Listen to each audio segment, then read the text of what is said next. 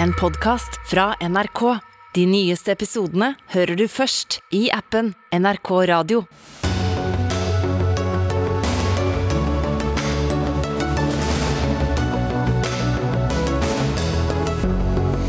Kontroversene rundt vindkraft på land kan blusse opp igjen. Regjeringen åpner for nye søknader om vindparker. Det blir mindre lønnsomt å drive privatskoler her i landet. Hilsen samme regjering. En trist dag, ifølge Høyre.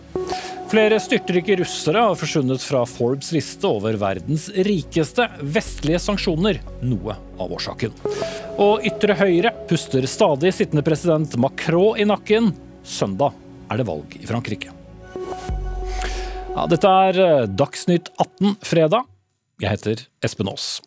Og vi starter med vindkraft. For trodde du striden rundt vindkraft var over? Tro om igjen, nå blåser det opp igjen. Regjeringens energiplan, eller tilleggsmelding om energipolitikk, som er det offisielle navnet på dokumentet olje- og energiminister Terje Aasland eh, la frem i dag, har dette som et nytt punkt. For bl.a. regjeringens åpning for utbygging av vindkraft eh, får det derfor til å blåse friskt i opposisjonen både med harde reaksjoner fra dem som er kritiske til utbygging, og fra de som synes at dette er altfor lite. Men vi begynner med mannen selv, Terje Aasland, olje- og energiminister fra Arbeiderpartiet, med oss fra vårt studio i Porsgrunn. Hva er ditt svar på at situasjonen eh, her i landet er, handler nå om rekordhøye strømpriser, usikker kraftsituasjon og utfordringer i kø for både næringsliv og industri? Nei, Det er ingen tvil om at det er et krevende bakteppe som vi legger fram denne tilleggsmeldingen til energimeldingen i. Eh, krigen i Ukraina har medført at eh, hele Europa er inne i en eh, dyp energikrise som følge av den brutale krigen som Russland fører mot Ukraina. Europa skal gjøre seg uavhengig av russisk gass i løpet av kort tid. Eh, og vi skal kutte klimagassutslipp.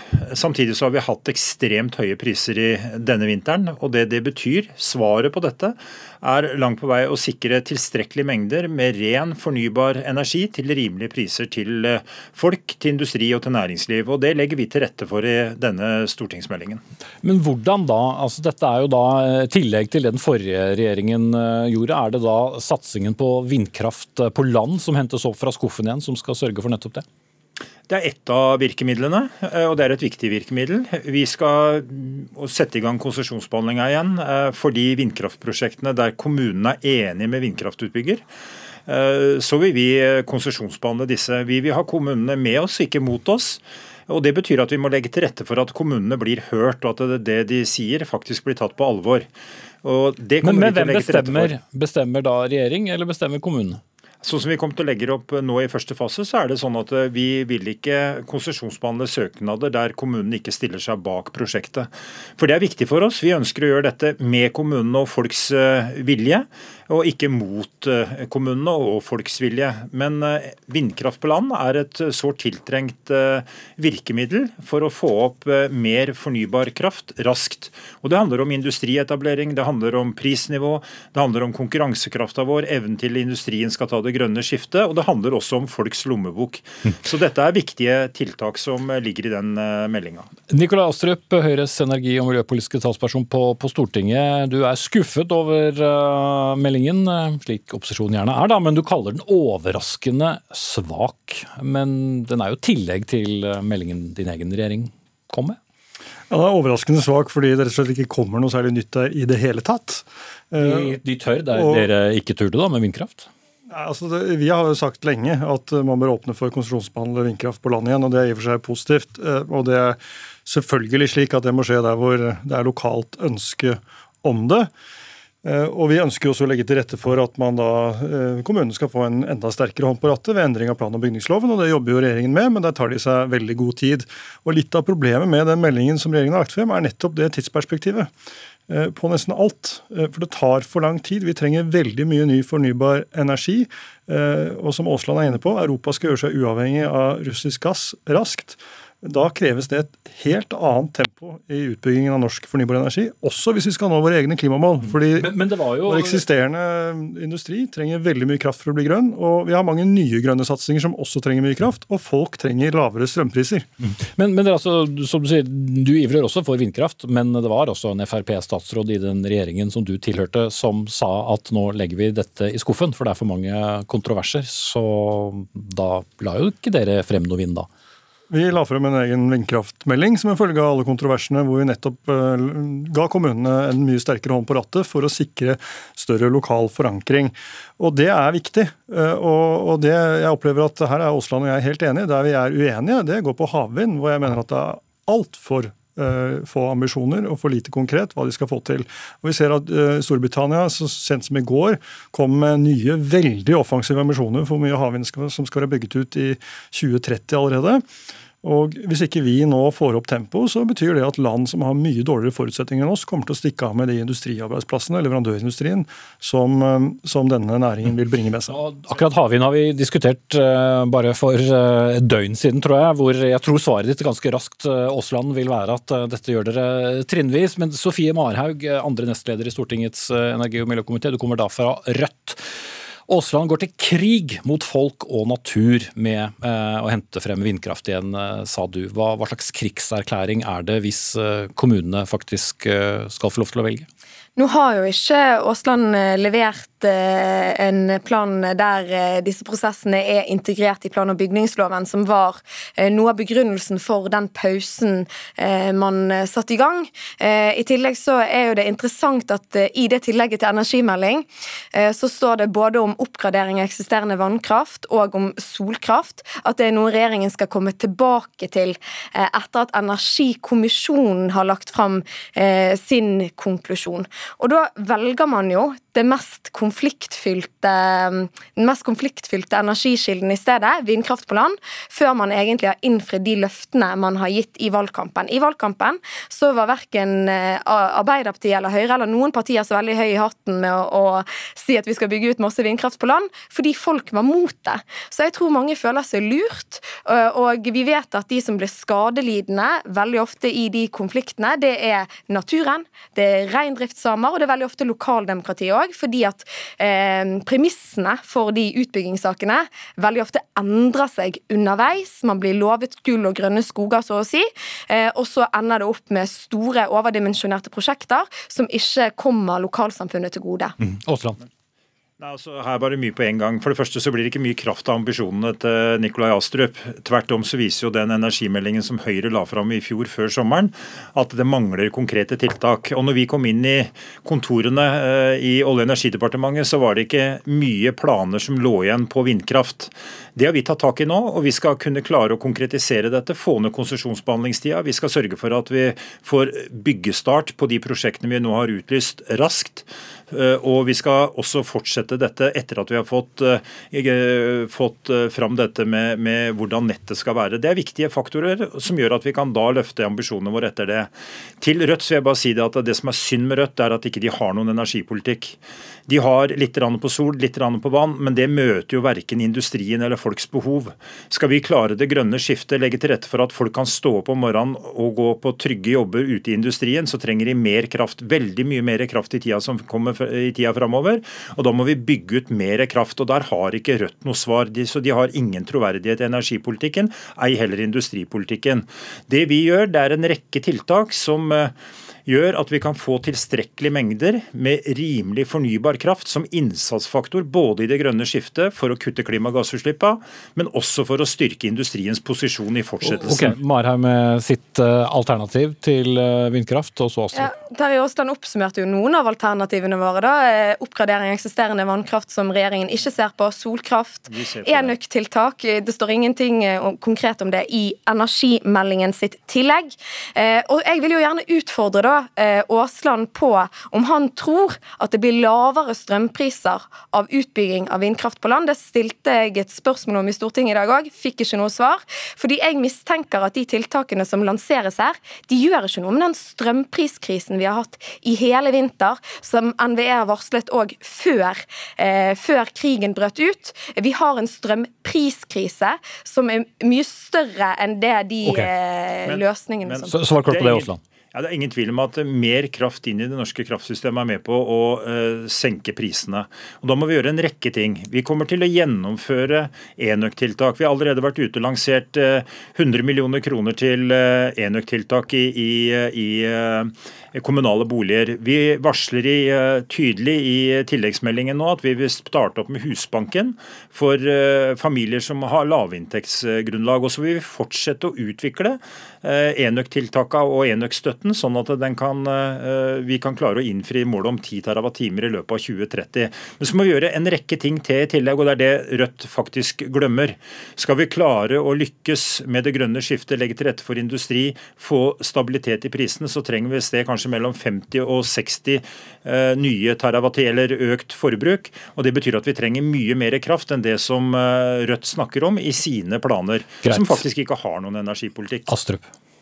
Jeg er faktisk enig med Terje Aasland i at Rødt ikke har noen god energipolitikk. Det, det skal sies med en gang, fordi den politikken henger jo ikke sammen. Det er en oppskrift på høye strømpriser og rasjonering. Og, Men hva er det det Høyres oppskrift det er- som, eh, som Aasland og Arbeiderpartiet ikke ser? Jo, vi har jo fremmet vår egen energiplan eh, med over 100 forslag, og 66 av dem har vi fremmet i Stortinget i dag, så de kommer til behandling. Så den er bedre enn den opprinnelige planen deres som eh, de har laget Det var helt nødvendig å oppdatere den planen fordi det har skjedd enormt mye. Vi har hatt en, ekstreme priser gjennom vinteren, eh, og vi har en krig i Ukraina, og vi har et forsert grønt skifte og utfasing av russisk gass, som jo endrer forutsetningene i energimarkedene i Europa. Og vi snakker Og er om der- og det er åtte år, eh, Ja, til 2030. og det er der jeg er bekymret, fordi at eh, vi, vi må altså ha en helt annet tempo enn det vi har sett noen gang før i historien. Og, og, så, og så har altså regjeringen sagt at ja, vi, vent på tilleggsmeldingen, for der kommer det. Og så leser vi tilleggsmeldingen i dag, så er det altså ikke ett nytt tiltak. Eh, annet enn noen få små ting som da de allerede har snakket om de siste to-tre ukene. Ingenting som kommer til å bringe oss i mål. Det er altså for sent, det er for lite, det er for lite ambisiøst, okay. det er for lite konkret, og det skal skje frem i tid. Det er altså ingen avklaringer som bringer oss nærmere. Altså, Ambisjonene til Nikolai Astrup gir ingen kilowattimer eh, produsert. Vi må faktisk gjøre jobben. Og Den jobben var ikke starta på når vi inntok regjeringskontorene. Nå har det gått eh, seks måneder vel, eller noe sånt nå, og vi er godt i gang med å legge til rette for at vi skal bygge mer ny fornybar kraft i Norge. Det er veldig viktig for at vi skal stabilisere prisene og legge til rette for det grønne skiftet. Og så har vi gjort flere ting også når det gjelder de ekstremeste prisene som vi har hatt på strøm i vinter. Med en, eh, en ordning som faktisk reduserer husholdningenes eh, store kostnader knytta til, til strøm. Vi har eh, lansert nå en løsning med Ja, fastprisavtaler. men, men det er noe annet enn en energimeldingen, så jeg lurer på om vi lar Nei, det er energimelding, nettopp det. Fordi at vi ønsker at det skal være stabilitet i, eh, i forhold til pris når det gjelder husholdninger, næringsliv osv. Så, videre. så det er en del av energimeldingen, og vi kommer til å følge opp dette fordi at stabilitet, forutsigbarhet, er viktig for folk. Mm, Men ikke utbyggingen, da. Magnus Takvam, politisk kommentator. Det er jo alltid politisk konfliktstoff rundt vindkraft, som vi startet med. Men eh, denne tilleggsmeldingen, løser den det store problemet? Når det gjelder vindkraft, så tror jeg det blir begrenset utbygging av, av, av det. Eh, på grunn av, bare pga. dette eh, utspillet eller forslaget i, i energimeldingen. Både pga. konfliktstoffet rundt det, men også pga. at de økonomiske insentivene for kommunene ikke er, er avklart. Altså hvor mye vil kommunen få igjen av, av økte inntekter ved å, ved å ha et slikt eh, anlegg i sin kommune. Det kommer ifølge meldingen først avklart i, i statsbudsjettet. Så, og regjeringen tror jeg selv skriver i brevet til NVE at det blir et begrenset antall. Så det blir ikke en sånn voldsom boost. Det tror jeg ikke. Og så er det jo misfornøydhet både til eh, høyre og venstre også i, i denne saken. Hva er det som skjer videre med denne tilleggsmeldingen nå? Dette er jo en melding, eh, og dermed ikke eh, består den ikke av konkrete forslag som skal til, til behandling. Men det er klart, det har blitt Altså energi og, og klima for så vidt, det henger jo sammen, har jo kommet mye høyere opp på dagsordenen i løpet av det siste året enn noen gang før. Og jeg tror mange har en ganske bratt læringskurve også om innholdet i, i det dette handler om. Eh, sånn at det jeg vil si eh, som har skjedd fra regjeringens side, er at den har forsøkt å løse de akutte krisene som har måttet eh, adresseres, nemlig disse eh, eksplosjonene i strømprisene med strømstøtte. Også det for så vidt varselet om en type fastprisavtaler som kom for et par dager siden, men først fra neste år. Og for så vidt at man nå skal produsere gass så, så alt remmer og tøy kan holde for å bidra til at EU kan fylle sine reservelagre osv. Men de langsiktige tingene som går på grønn industrisatsing, havvind, eksportkabler eller ikke. Eh, det er lite konkretisert, og det ligger masse utredninger som blir varslet her. Og der er det jo i hvert fall når det gjelder kabler eh, også uenighet innad eh, i regjeringen. Men jeg holdt på å si, ser vi på klokka, det er litt over åtte år til, til 2030. Ja, nei, Det er liten tvil om at hvis vi kombinerer det med de målsetningene om klimareduksjoner til 2030 ned til 23 millioner tonn fra dagens 49 millioner, og en eh, erstatt elektrifisering av sokkelen, hele pakken av grønn industrisatsing, det kraftbehovet av ny fornybar kraft det tilsier, der er det ingen som har en, en god veiplan framover til hvordan alle disse målsettingene kan nås. Så politikerne har mer enn nok å jobbe med framover. Men samtidig, som vi poengterte, også veldig mye uenighet. Selv om Høyre og Arbeiderpartiet høres ut til å være noenlunde enige her. Ja, det er klart det er en uenighet særlig eller knyttet til både havvind, for så vidt elektrifisering, og eh, skal vi si, strukturen for havvind med tilknytning til, eh, til eksportkabler osv. Der varsles det eh, utredninger framover, som jeg var inne på. Men det er liten tvil om at Arbeiderpartiet her går inn for den typen hybridkabler, en, en eller annen eksportmulighet. Når man skal satse på så mye produksjon av havvind, så må, må det for at det skal unngå å bli subsidier, ha en, en kanal ut. Så må de designe det på en måte som gjør at eh, også Senterpartiet kan kjøpe det. Det, det, blir en utfordring, tror jeg. Mm blåser opp til den andre. Magnus Akvam, kommentator i NRK. Nikolai Astrup fra Høyre. Sofie Marhaug fra Rødt. Og olje- og energiminister Terje Aasland fra Arbeiderpartiet.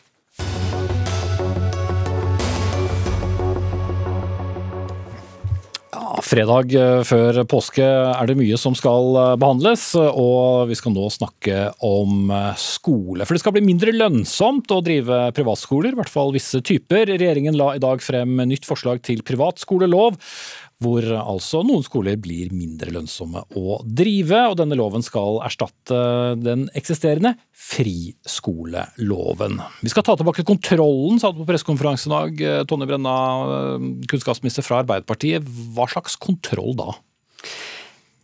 Jeg lurer på om kanskje programledere blander litt, fordi det vi la fram i dag var to ting. Det ene var strengere regler for private barnehager, hvor vi er tydelige på at vi ikke skal kunne ta ut store overskudd til eierne.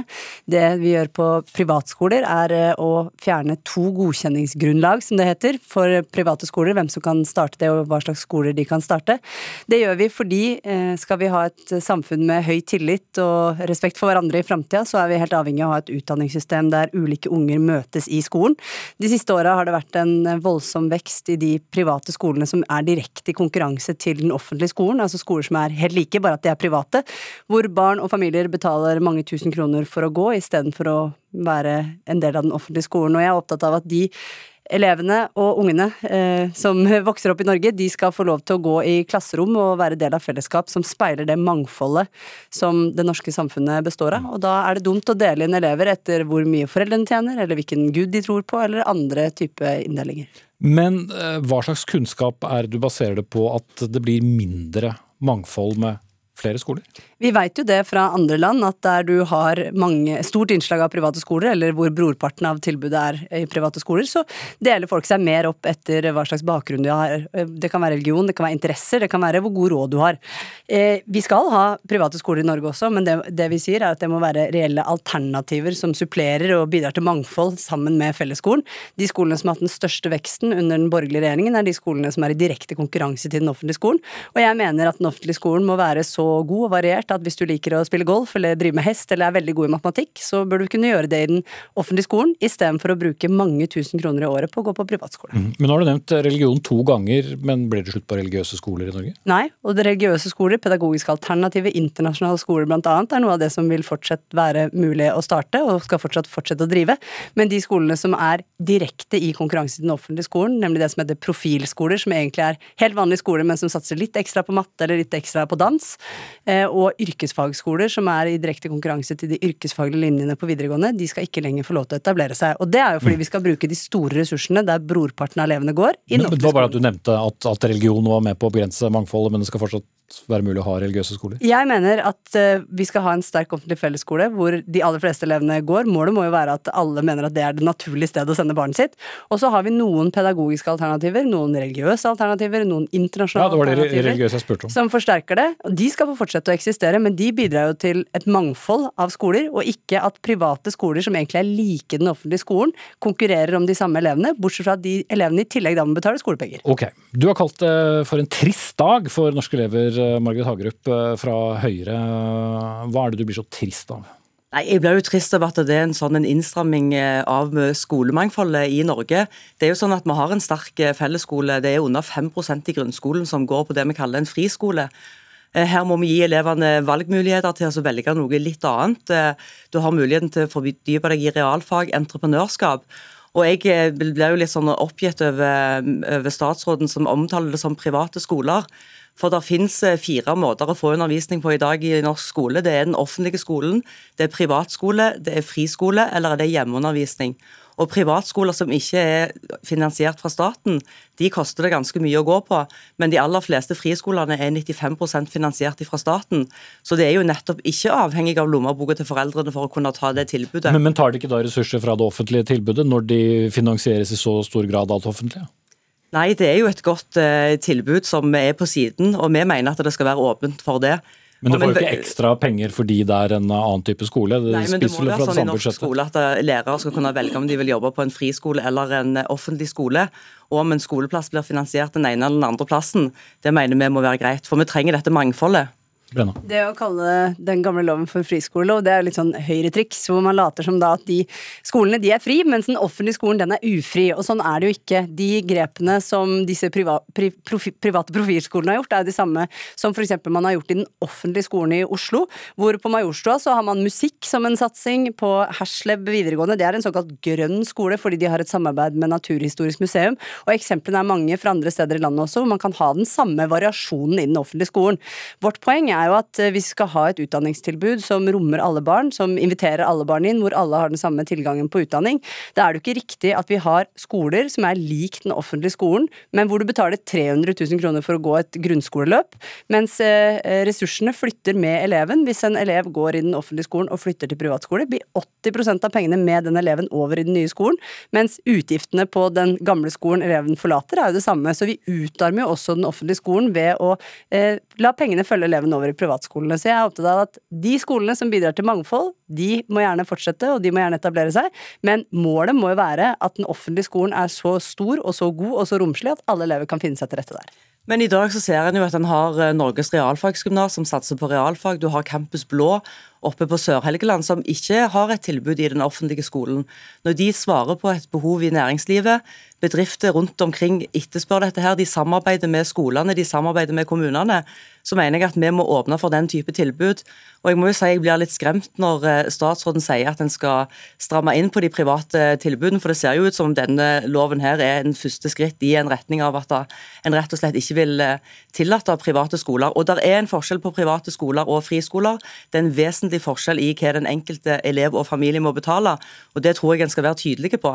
For det er ikke lett å forstå for de som hører denne debatten utenfra. Men eh, vi kan godt ha en kosmetisk debatt om hva vi kaller den loven, men det er en lov som regulerer private skoler, og dermed bør den loven hete privatskolelov, og det heter den heretter. Men, men, poenget med, med privatskoler, altså er alle private skoler like?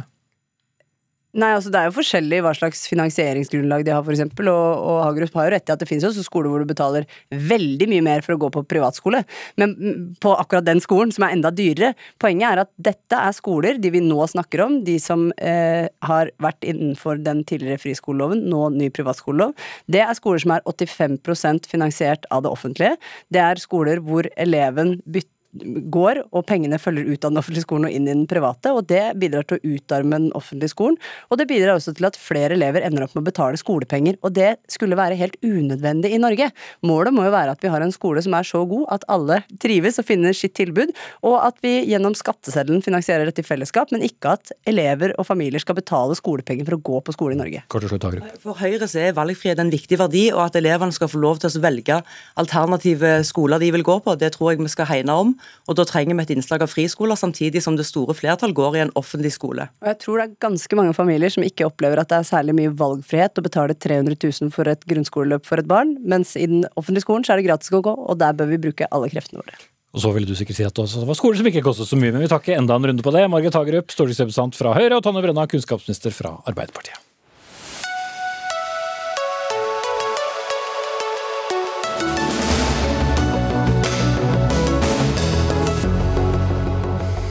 Klokken er eh, straks 18.25.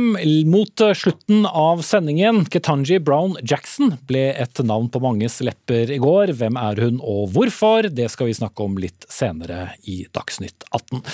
Men i dag var det siste mulighet for kandidatene i det franske presidentvalget å overbevise velgerne. Sittende president Emmanuel Macron leder på målingene etter sin svært korte valgkamp, men det er jammen meg bare så vidt. På to målinger publisert nå i ettermiddag har hans forsprang skrumpet eh, formidabelt inn. På den ene skiller det bare ett prosentpoeng mellom eh, Macron og eh, kandidaten på ytre høyre, Marie Le Pen. På den andre 3,5 prosentpoeng på søndag. Hvis ingen av kandidatene får over 50% av stemmene, så blir det en ny runde søndag 24. april. Og um, kollega Marit Kolberg, du er på plass i Frankrike, du er i Britannia for å følge valget. Og hvordan merkes valget? Hva er franske velgere opptatt av? Ja, de er Det store temaet de er opptatt av i denne valgkampen, er økonomien og lommeboka. Dette har vært en litt eh, underlig valgkamp, for den har så til de grader vært preget av at det foregår en krig i Europa. Men det er klart, den, folk er jo seg selv nærmest, og når det kommer til pengeboka, så er det det som er det temaet som står på topp eh, for eh, franskmenn og der har jo Marine Le Pen, som du nevner, vært raus med løftene. Hun har reist rundt i landet og sagt at eh, ja, her skal vi få hjelp, og her skal folk få mer å rutte med. Her skal minstelønnen økes. Og hun har, eh, som du også sier, eh, tatt godt innpå Emmanuel Macron, som jo hele veien har ligget et stort og langt hestehode foran. Hvor engasjert er franskmennene i dette presidentvalget? Det ser ut som de egentlig ikke er så veldig engasjert. fordi hvis meningsmålingene er eh, riktige, så går man faktisk mot et rekordlav eh, valgdeltakelse. Det er så mye som rundt 30% som sier at de vurderer å droppe å stemme.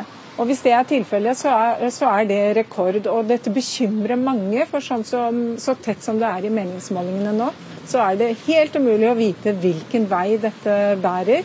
Og søndagen kan bli veldig mye mer spennende enn det mange har sett for seg. Utenriksjournalist og forfatter eh, Tove Gravdal, eh, vi har jo sett mye til Emmanuel Macron også utenfor Frankrike. Han har vært opptatt av krigen i, eh, i Ukraina. Men på hjemmebane så ser ikke velgerne ut til å la seg begeistre av at han forsøker å nøste opp internasjonale konflikter. De gjorde jo det de første ukene etter at Ukraina-krigen brøt ut, da han eh, var veldig aktiv i å forsøke å få Putin på bedre tanker. Og da eh, føyk jo Macron opp på meningsmålingene til opp over 30 oppslutning.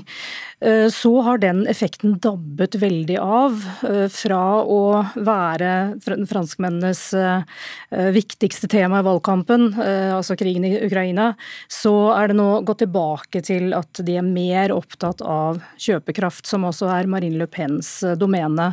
Og Eh, Macron har jo i tillegg eh, formannskapet i EU-rådet og har vært eh, veldig aktiv både i Nato og på, i EU på toppmøter. Så han har ikke drevet så mye valgkamp, nei. Men Le Pen ble jo tidligere slått i eller tidligere valgkampen også ganske raskt slått i hardkorn med, med Putin, men det, det ble hun raskt ferdig med. Ja, og Det er jo underlig, men det, forklaringen på det er kanskje at nettopp Macron har vært så fraværende i valgkampen. Fordi det er ikke bare hun, det er jo flere av kandidatene som har en fortid med Putin. Det gjelder ikke minst Erik Semor, hennes eh, viktigste utfordrer på ytre høyre side, som eh, senest i januar sa at han vil ha en fransk Putin, og underforstått det burde jo da være han selv. Eh, Jean-Luc Mélenchon, som er venstresidens sterkeste kandidat, har også vært eh, det man kan kalle en Putin-apologet. Eh, så de har jo ikke De har vært forsiktige med å angripe henne for hennes eh, Putin-flørt opp gjennom mange år. Og det er først nå, mot slutten, at Macron drar til og virkelig bruker det aktivt i, i denne korte valgkampen. Da. Mm. Men Marit Kolberg, når du snakker med velgere, får du da inntrykk av at dette egentlig er et valg mellom Le Pen og Macron? Nei, de folk vi snakker med her skal stemme på den personen de mener er den rette til å bli president. Og det uansett om det er en person som har i utgangspunktet 2% eller 8% eller 14 oppslutning, og så da ingen sjanse til å komme til annen runde. Så i første omgang, de som vil stemme, de vil følge sin overbevisning og stemme på den de tror på. Mm. Men ut fra den ene målingen som ble presentert i ettermiddag, da, eh, Kolberg, så så vi jo eh, at dersom den er riktig, og Le Pen og Macron går videre til eh, andre valgrunde, så er det en knepen seier til Macron.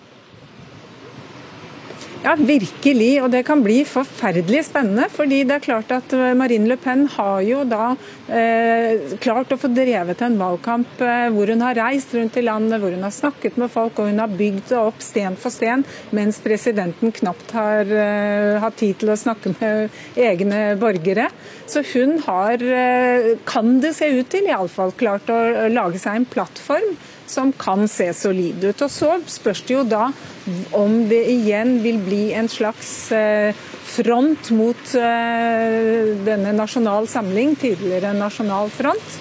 Og du har uttrykk som eh, «Tots of Marine Le Pen eller «Tots of Macron. Altså alle andre enn Marine Le Pen eller alle andre enn Macron. Og det er jo ofte det som skjer i annen omgang, at man stemmer på den man misliker minst. Mm. Til slutt, eh, Tove Gravdal, det ser ut til å være et tilbakevendende problem for Macron at han er og blir en, en elitist eh, for folk, og ikke er den som løser de nærmeste problemene for dem. Ja, og Det bruker jo hans eh, politiske motstandere veldig aktivt at han er de rikes president. Og dessverre for Macron så fikk eh, motstanderne hans litt drahjelp av en rapport som kom til Senatet nå i eh, Eh, nå i februar, eller nå i mars, som, eh, som eh, peker på at regjeringen hans bruker veldig mye penger på konsulenttjenester. Og dette er liksom bare nok et eksempel på, på, at Macron er de rikes president, og det hjelper på en måte ikke at det kanskje ikke er sant, men det er det uh, imaget de greier å stemple på han, da. Mm. Første runde på søndag, og vi kan vel være ganske sikre på at det blir første fordi de blir aldri ferdig i én runde? Nei, det er eh, helt utelukket at eh, det blir avgjort eh, på søndag. Og så må vi huske på at det blir en helt annen dynamikk da når det er to uker valgkamp til neste runde.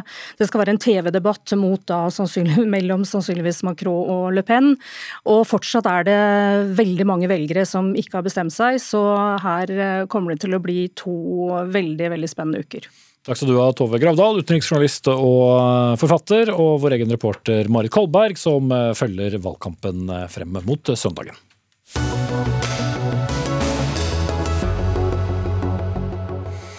Så skal vi til krigen i eh, Ukraina. Det foregår nemlig, eller pågår snarere, et intenst arbeid med å dokumentere overgrepene mot eh, sivile. Sist mot et eh, knutepunkt for flyktninger øst i landet. Først og fremst eh, mot russere, men også ukrainske styrker blir gransket. Vestlig etterretning jobber systematisk med å skaffe oversikt over det som kan være da krigsforbrytelser. Også norske organisasjoner bidrar i arbeidet. Arve Hansen, rådgiver i Den norske Helsingforskomité, du har nylig kommet hjem fra Ukraina. Hvordan har dere bidratt i arbeidet? Vi dro til Ukraina i forrige måned fordi vi ønsket å først og fremst støtte våre partnerorganisasjoner som er i landet, ehm, som driver med et systematisk dokumentasjonsarbeide dokumentasjonsarbeid av krigsforbrytelser. Ehm, vi dro dit også for å treffe andre partnere og andre organisasjoner som vi har et helt forhold til. Eh, og så var det også for å vise at den norske Helsingforskomiteen er til stede i landet og Eh, bryr oss om det som foregår, og på en måte være en sånn symbolsk støtte for uh, ukrainere. Mm. Men, men, hvordan jobber dere da mens det pågår en krig? Så det er flere ting. Eh, det vi gjorde for den partnerorganisasjonen, var at vi tok med oss en del utstyr. Vi jobbet med å skaffe dem biler som de kunne bruke til å reise rundt i disse områdene hvor det ikke er så gode veier og det er varierende forhold, så de kan få gjort det systematiske arbeidet som de trenger. Nå er det jo slik at vi ser på disse bildene, og vi ser at det er uh, mye styggheter, og vi kan tenke med en gang at dette her er krigsforbrytelser. Men Ukraina vil før eller senere, om det er noen måneder eller år eller ti år, så vil de komme til et punkt hvor etter denne krigen så vil det bli en rettsprosess. Og en sånn type Nurenberg-prosess da, som det var etter den andre verdenskrig. Og da er det veldig viktig at man har gjort et grundig arbeid, at man har man kan bevise hva som har skjedd, hvordan det har skjedd, hvem som er eh, Hvem som har skylda for, for det som har skjedd. Mm. Så det er disse, ja. Bare ta inn eh, Geir Hågen Karlsen, oberstløytnant og hovedlærer ved stabsskolen. Du er med oss på, på, linje. Og også vestlig etterretning jobber da iherdig med, med denne typen dokumentasjon. Hva, hva er vanligst å gjøre? Det er en lang rekke metoder man kan bruke. Eh, vi ser uh, tyske medier rapporterer at uh, tysk etterretning har opptak av russisk kommunikasjon som angår drapene i Butsja. og Det skal visstnok ha vært gitt ordre om å skyte alle. og vært gitt ordre om å avhøre de først og skyte de osv. Når det gjelder missilangrep som det vi nå har sett i dag, så vil nok det kunne tas både av radar og og f.eks. satellittbårne systemer eh, som kan se hvor det kommer fra, og selvfølgelig da det, hvilken kulebane eller flyvebane det har. Så vet vi jo godt hvor det lander. Eh, det kan også være eh, hacking, cyberangrep for å få tilgang til forskjellige typer kommunikasjon og informasjon om hvilke avdelinger som er hvor, og en del andre kilder som gjør at at man har god informasjon. Vi har sett disse satellittbildene fra Maxar, eh, privat firma, som, som, har vært delt av krigen. Men det er klart at etterretningssatellitter har jo mye mye bedre oppløsning og mye større detaljgrad på bildene. Mm. Og Hvordan stiller eh, russerne seg til denne formen for eh, dokumentasjon? Nei, De kommer til å benekte det, er det de alltid gjør. Og så kommer de til å komme opp med en lang rekke alternative teorier, mer eller mindre fantastiske, uh, som de bruker. Uh, hensikten med det er delvis å, å spre så mange alternativer at uh, sannheten drukner litt i, i alle deres teorier så er det selvfølgelig viktig først og fremst for de å overbevise egen befolkning om at de ikke har gjort noe galt. Mm. Og, og, Der vil jo deres teorier selvfølgelig nå fram, for de har god kontroll over mediene. Men det er nå, og Arve Hansen som du på, det dere først og fremst forsøker å dokumentere, er jo det som skal komme til et oppgjør den dagen krigen er over. Men ut fra det du har sett, de du har møtt, eh, hva slags eh, overgrep er det som, som du har sett? Det er mange typer overgrep, og det er jo den type overgrep som, eh, som vi nettopp fikk høre om her. Rakettangrep bl.a. på sivile installasjoner, og, altså togstasjoner og, og, og, slikt. Men så er det jo også de Det er tortur. Det er gjengvoldtekter. Det er drap på soldater som har overgitt seg. Det er drap på sivile. Så, så, det er en lang rekke med krigsforbrytelser som vi som vi er med på å etterforske. I de siste dagene så har det jo sirkulert en del videoer som også skal da vise ukrainske uh, styrker som uh, begår overgrep mot uh, russiske krigsfanger. Pågår arbeidet på samme måte også overfor ukrainerne? Ja, det, det, pågår på akkurat samme måte. Det er veldig viktig for ukrainske altså vi er i den luksusposisjonen som man som regel ikke har, at vi er invitert av Eh, styresmakten i Ukraina for å drive med arbeidet vårt.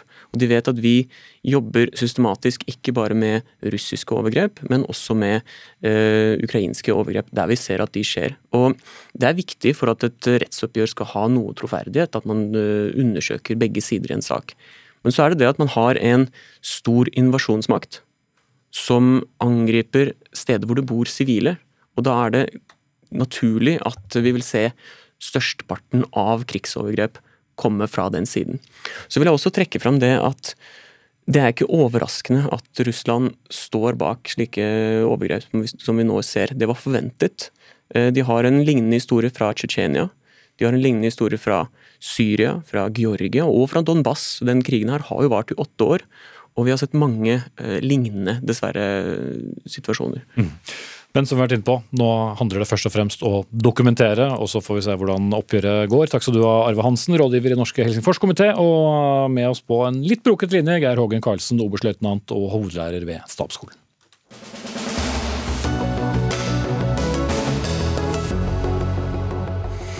Men uh, tematikken den eh, fortsetter for, uh, som vi så vidt var inne på fra Helsingforskomiteen, seksuell vold dukker også oftere opp i historiene fra Ukraina. Seksuell vold i form av voldtekter av kvinner, mødre som, som døtre. Og fremover kan vi nok også vente oss flere meldinger om dette, skriver du i en ytring publisert på nrk.no. Ragnhild Nordås, seniorforsker ved PRIO og assisterende professor ved University of Michigan. Hva er det som tilsier dette? Det er ulike ting uh, som eh, er varselsignal, som vi har sett en, en stund fra forskninga, i, i, forhold til hvordan de russiske styrkene har operert historisk, eller også i, ganske nylig i Donbass og i, i, andre konfliktsituasjoner. Så vi vet at russiske soldater har vært involvert i seksuell vold tidligere. Vi vet også at det er ganske mange umotiverte unge soldater blant de russiske styrkene. En del av de har blitt tvangsrekruttert eller pr pressa inn i i denne krigen. Og i sånne tilfeller er det veldig ofte at vi ser mye bruk av seksuell vold, spesielt gjengvoldtekt. Mm. Men er det da både en organisert form, og da en uorganisert form, sånn det du beskriver her? Det, vi vet eh, i grunnen ikke enda om det er veldig organisert og planlagt, eller om det er en ting som oppstår liksom, eh, som en del av den, de her organisasjonene sin indre dynamikk. Det er, en, det er, mange soldater også som selvfølgelig som faller for gruppepresset i en sånn her situasjon, som tenker at det er bedre å være med enn å stå eh, på sida når, når, noen initierer overgrep. Og det kan godt hende at de som, er, som står ansvarlig, altså de høyere militære, tenker at det her lar vi skje, for det har en del Eh, positive effekter for vår krigføring. Mm. Inger Skjelsbekk, psykolog og professor i kjønnsstudier ved Universitetet i, i, Oslo. Um, dette er jo ikke første krig man hører om seksuelle overgrep langt derifra. For dette er en, en, en ganske effektiv form ved siden av uh, tradisjonell våpenbruk overfor en uh, angrepet befolkning. Absolutt, og det skjer jo i alle konflikter, det vet vi jo historisk. Men jeg tror det er viktig å skjønne at det skjer eh, på ulike måter med ulik hensikt, som Ragnhild nettopp også har beskrevet her. Noen ganger så skjer det fordi soldater kjeder seg og skal finne på noe, og noen ganger skjer det fordi det er en del av altså, voldsrepertoaret til militære grupper, og at det da har en politisk hensikt i konflikten. Og Den måten å tenke om dette på har vi jo fått mye mer kunnskap om de siste 20 årene, kanskje særlig siden forrige konflikt i Europa, på Balkan. Balkan. Eh, så, så, det gjenstår å se hva mønsteret er her, vi vet ikke nok enda, men det er grunn til å frykte også at det er systematisk her. Mm. Og, og, gevinsten, for å bruke det uttrykket sett fra eh, en angripers side ved å bruke seksuell vold, hva er den eh, primært, Nordås? Den kan variere, men eh, det brukes Vi tror at det brukes ofte for å skremme folk, for å terrorisere lokalbefolkning. Spesielt kanskje for å tvinge folk eller, eh, på flukt, for å få Eh, kontroll over området. Også i, i, tillegg til det som jeg snakka om, den interne logikken, da selvfølgelig, i, i gruppa sjøl. Vi hørte jo Helsingforskomiteen snakke om det å dokumentere krigsforbrytelser, dokumentere overgrep. Men seksuelle overgrep, kan man i hele tatt kunne få dokumentere noe sånt skikkelig til, en, eh, til et oppgjør i bakkant? Det er vanskelig, men det har skjedd utrolig mye som gjør at vi har grunn til å være mer optimistiske nå enn man kunne forvente for 20 år siden. Eh, fordi man vet mer hva slags bevis som kreves i en rettssak. Eh, altså Førstelinjetjenesterespons, altså de som tar imot flyktninger nå f.eks., både i Polen og i Norge og andre steder, kan bidra til å dokumentere de rette tingene man trenger å vite om for å kunne straffeforfølge. Da må du f.eks. Eh, vite at overgrepet skjedde av en person som hadde en uniform som tilsier at den var en del av en militær gruppe som da er under etterforskning. Eh, at det skjedde på et tidspunkt i konflikten hvor det var konflikt i akkurat det området som, eh, som vedkommende kom fra. Eh, og alle disse tingene har vi Det er ikke sånn at dette er perfekt si, organisert enda, men vi har mye mer kunnskap om det. Så jeg håper jo at vi vil få bedre dokumentasjon for å kunne straffeforfølge. Men da legges det vel også et, et veldig ansvar på offeret her? At de må aktivt aktiv gjøre noe for å, at dette skal dokumenteres? De må jo aktivt fortelle at det har skjedd, men noen må også spørre. Og jeg tror folk har blitt modigere til å spørre, fordi vi, det er så Altså bare at vi sitter her og snakker om det nå, eh, en, representerer en forandring. Man gjorde ikke det før. Det var helt stille. Man snakket ikke om det i generasjoner. Nå eh, har vi til og med hatt et tilfelle i Norge, i Tromsø. En ung kvinne som har fortalt om hva som skjedde med henne. Det var en annen type voldtekt, men det sier noe om at eh, det er eh, noe som italesettes mye mer enn det har vært gjort før. Mm. Og også menn, eh, Nordås, blir utsatt for, for seksuelle overgrep som en, en, form for undertrykkelse eller krigføring, da. Ja, det er ganske mange tilfeller hvor vi kan dokumentere seksuell vold mot menn. Spesielt når man er tatt til fange, og som en del av tortur. Da er det ofte overgrep mot menn. Og det er vanskelig for kvinner å, å snakke om overgrep, og det er kanskje nesten enda verre for menn. Så det er, det er store utfordringer med å dokumentere eh, sånne, de her typen overgrep. Det er eh, skambelagt å snakke om, selv om vi har kommet mye lenger. Og det er ganske mange som også frykter konsekvensen for sin, hvordan blir de tatt imot av sin familie, av eh, samfunnet sitt? Blir de mistenkeliggjort? Det, kan det bli, få andre konsekvenser? Så det er mange som har stor frykt og skam rundt det å, å rapportere. Så her må det gjøres veldig grundig dokumentasjonsarbeid. Mm. Og solide ettervirkninger også for eh, de som er blitt utsatt for, eh, for overgrepene? Det kan ta veldig lang tid å, å, bearbeide sånne overgrep. Og Det er også en av grunnene til at vi ofte ser at de rapportene som som kommer om seksuell vold i krig, kan komme måneder og år etter at overgrepene har skjedd. Mm. Til slutt, eh, Inger Sjølsbekk, det er ikke kanskje heller så lett å straffe gjerningsmennene? Nei, og det vi ser fra de strafferettsprosessene som har vært, er at de som har blitt straffet, eh, er de som har hatt eh, altså det som heter command responsibility på engelsk, altså de som har hatt ansvar for å gripe inn. Eh, dette er de internasjonale straffeprosessene som har vært, som det er litt få av, men de fins. Og, det betyr at militære ledere har et stort ansvar for å uh, sørge for at dette ikke skjer. Mm. Vi eh, setter strek så langt. Ragnhild Nordås, seniorforsker ved PRIO, og Inger Skjelsbekk, professor i kjønnsstudier på Universitetet i Oslo. Takk skal dere ha.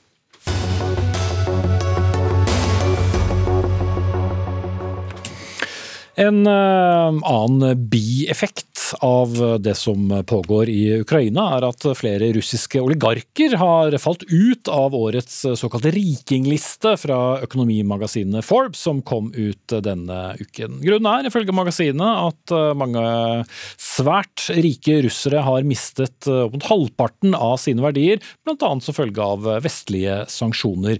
Men langt fra alle opplever sanksjoner, 83 russere var fortsatt å finne på denne ja, skal vi kalle den prestisjefylte Forbes-listen. Sindre Heyerdahl, økonomikommentator, eh, nettstedet E24. Hva vet vi om disse russerne på den listen, utover at de er åpenbart veldig rike, da?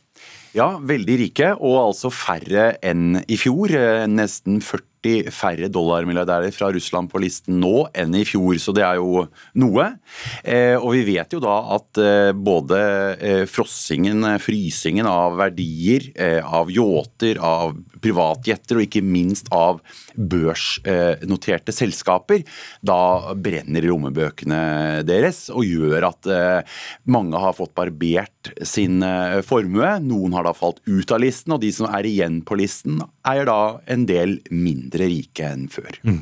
Men er dette da nærmest bare en, en liten pause, og så når ting roer seg på krigsfronten, så er de tilbake?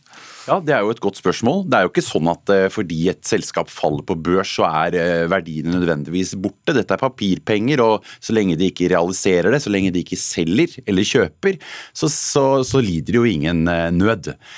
Men det vil være verdier, særlig i Vesten, utenfor Moskva-børsen, som vil være frosset, og antagelig i veldig lang tid. Det er jo mye som tyder på at så lenge Putin sitter ved makten, eller klamrer seg til makten, så vil sanksjoner fortsette. Så mange av disse rike må nok belage seg på en eh, litt mindre fet fremtid. Mm. For selv om krigen er slutt, så betyr det ikke at eh, sanksjonene er slutt. Men for å havne på Forbes liste, bare for å gi publikum her et bilde, hvor rik er man da? Da må man være dollarmilliardær. Det holder altså ikke å være god norsk kronemilliardær. Eh, men eh, du må være god for omtrent 10 milliarder norske kroner da, for å dunke inn på denne listen. Eh, og det klarte altså nå omtrent 2700 mennesker i verden. Litt færre enn i fjor, men likevel en anselig mengde. Men det at det blir litt færre, det er vi ikke så godt vant til. Men det viser jo at krig, pandemi og litt slappe børskurser, det begynner å tære litt på selv blant de superrike. Mm. Og en som er god for mange penger, er jo president Putin selv. Og USA og EU har nå sanksjonert hans døtre i frykt for at han gjemmer eh, mye av sin enorme formue hos eh, familien. Men hvor mye vet vi egentlig om Russlands eh, mektige mann og, og hans penger? Det er jo mange spekulasjoner, og, og, Vestens etterretningstjenester vet kanskje mer enn de går ut med offisielt også.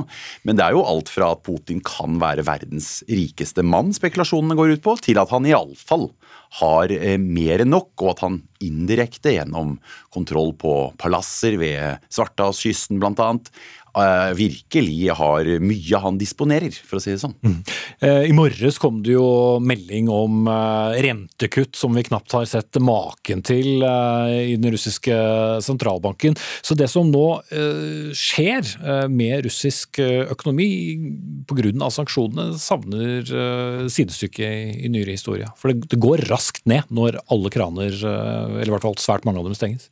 Det gjør det, og det savner sidestykke, og det er veldig spennende også faglig sett, å se hvordan dette fortsetter, og hvor mye det vil bite for eh, russisk økonomi og for russere flest, men ikke minst for eliten, de som støtter Putin, de som er eh, rundt Putin. Men vi ser bl.a. på rubelkursen, som ikke er helt reell nå fordi du ikke kan handle med den internasjonalt, at den er eh, tilbake på nesten gamle nivåer. Litt forstemmende, for litt av grunnen til at rubelen gjør det bra, er ikke bare tekniske ting. Det er også bl.a.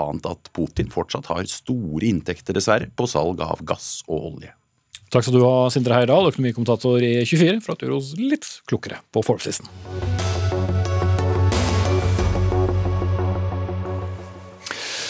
Ketanji Brown Jackson det ble et uh, svært kjent navn i går. Da ble hun USAs aller første svarte kvinnelige høyesterettsdommer, da et flertall i det amerikanske senatet godkjente henne. 53 senatorer stemte for, 47 imot, og tre av de som utgjorde flertallet var også republikanere. Lisa Cooper, tidligere leder av Democrats Abroad her i Norge, hva slags symbolverdi er det denne kvinnen har?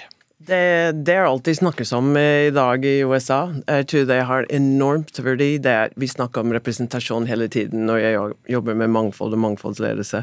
Det er 4 eh, advokater og jurister i USA som har svart. 4 Det er, det nå snakker om en flødbølger av uh, potensielle kandidater, og det, det, det gjør noe å bli sett uh, og bli en viktig rollemodell. Eh, men ikke minst det er hennes levde erfaring, som jeg snakket om også tidligere i dag. At eh, jo, vi er en mindretall i det høyesterettsrett, men når hun skriver dissenser, akkurat som Ginsberg skrev en fantastisk dissens i 2007, eh, som blir senere brukt i lovgivning, så hun har en enormt potensial mm. i lovgivning, både kortsiktig, langsiktig og krysse fingeren 30 år fremover i tid. Men, men hva slags uh, historikk uh, har hun frem til i dag, hvor hun ja, herfra ut uh, blir en, en, en, veldig mektig og, viktig kvinne? Ja, Nei, dette er faktisk en ting jeg tror hun innrømmer selv.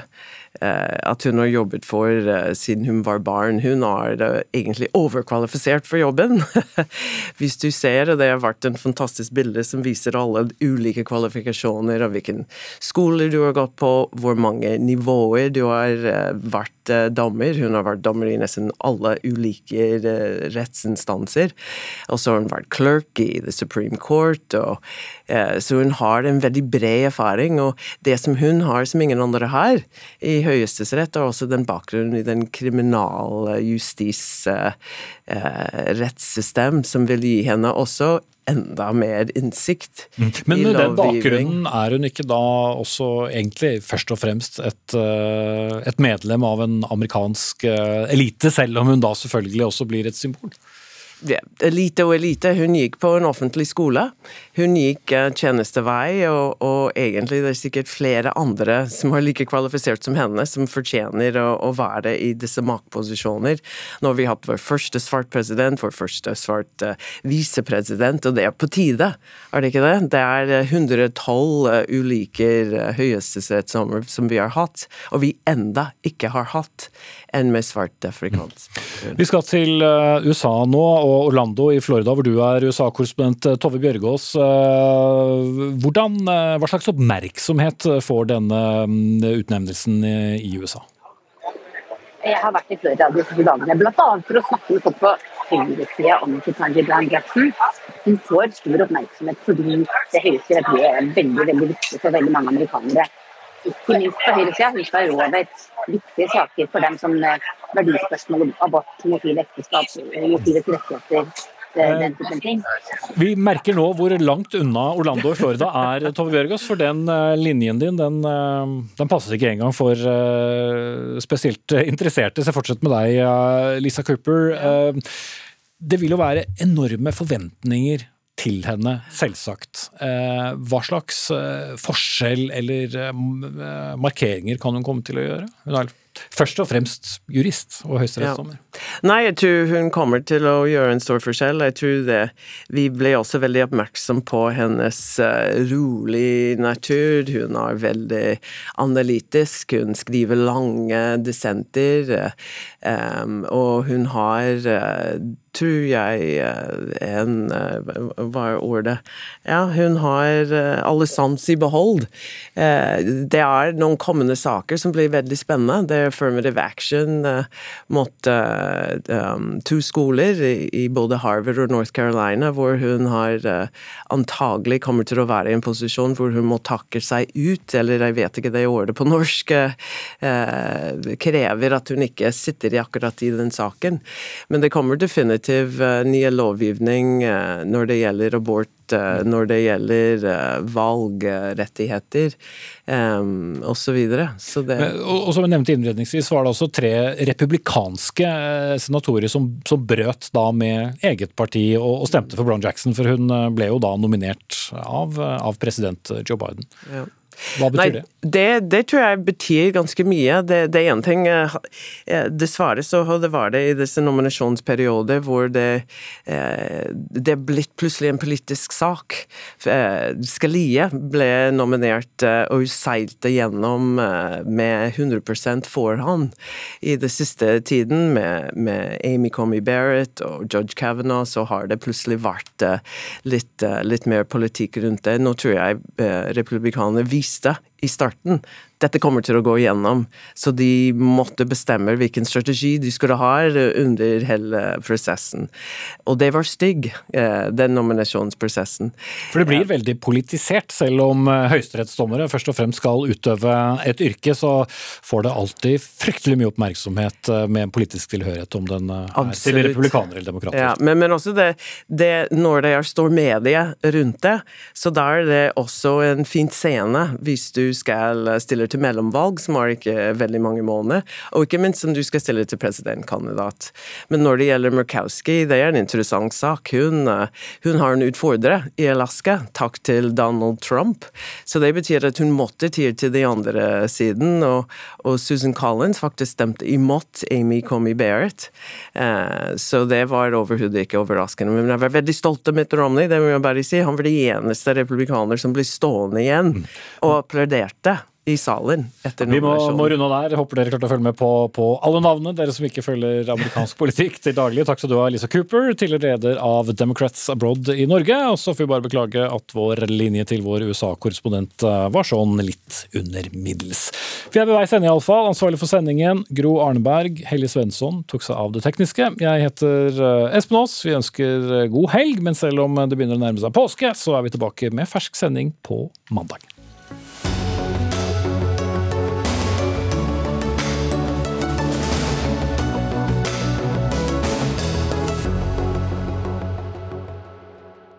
Du har hørt en podkast fra NRK. De nyeste episodene hører du først i appen NRK Radio.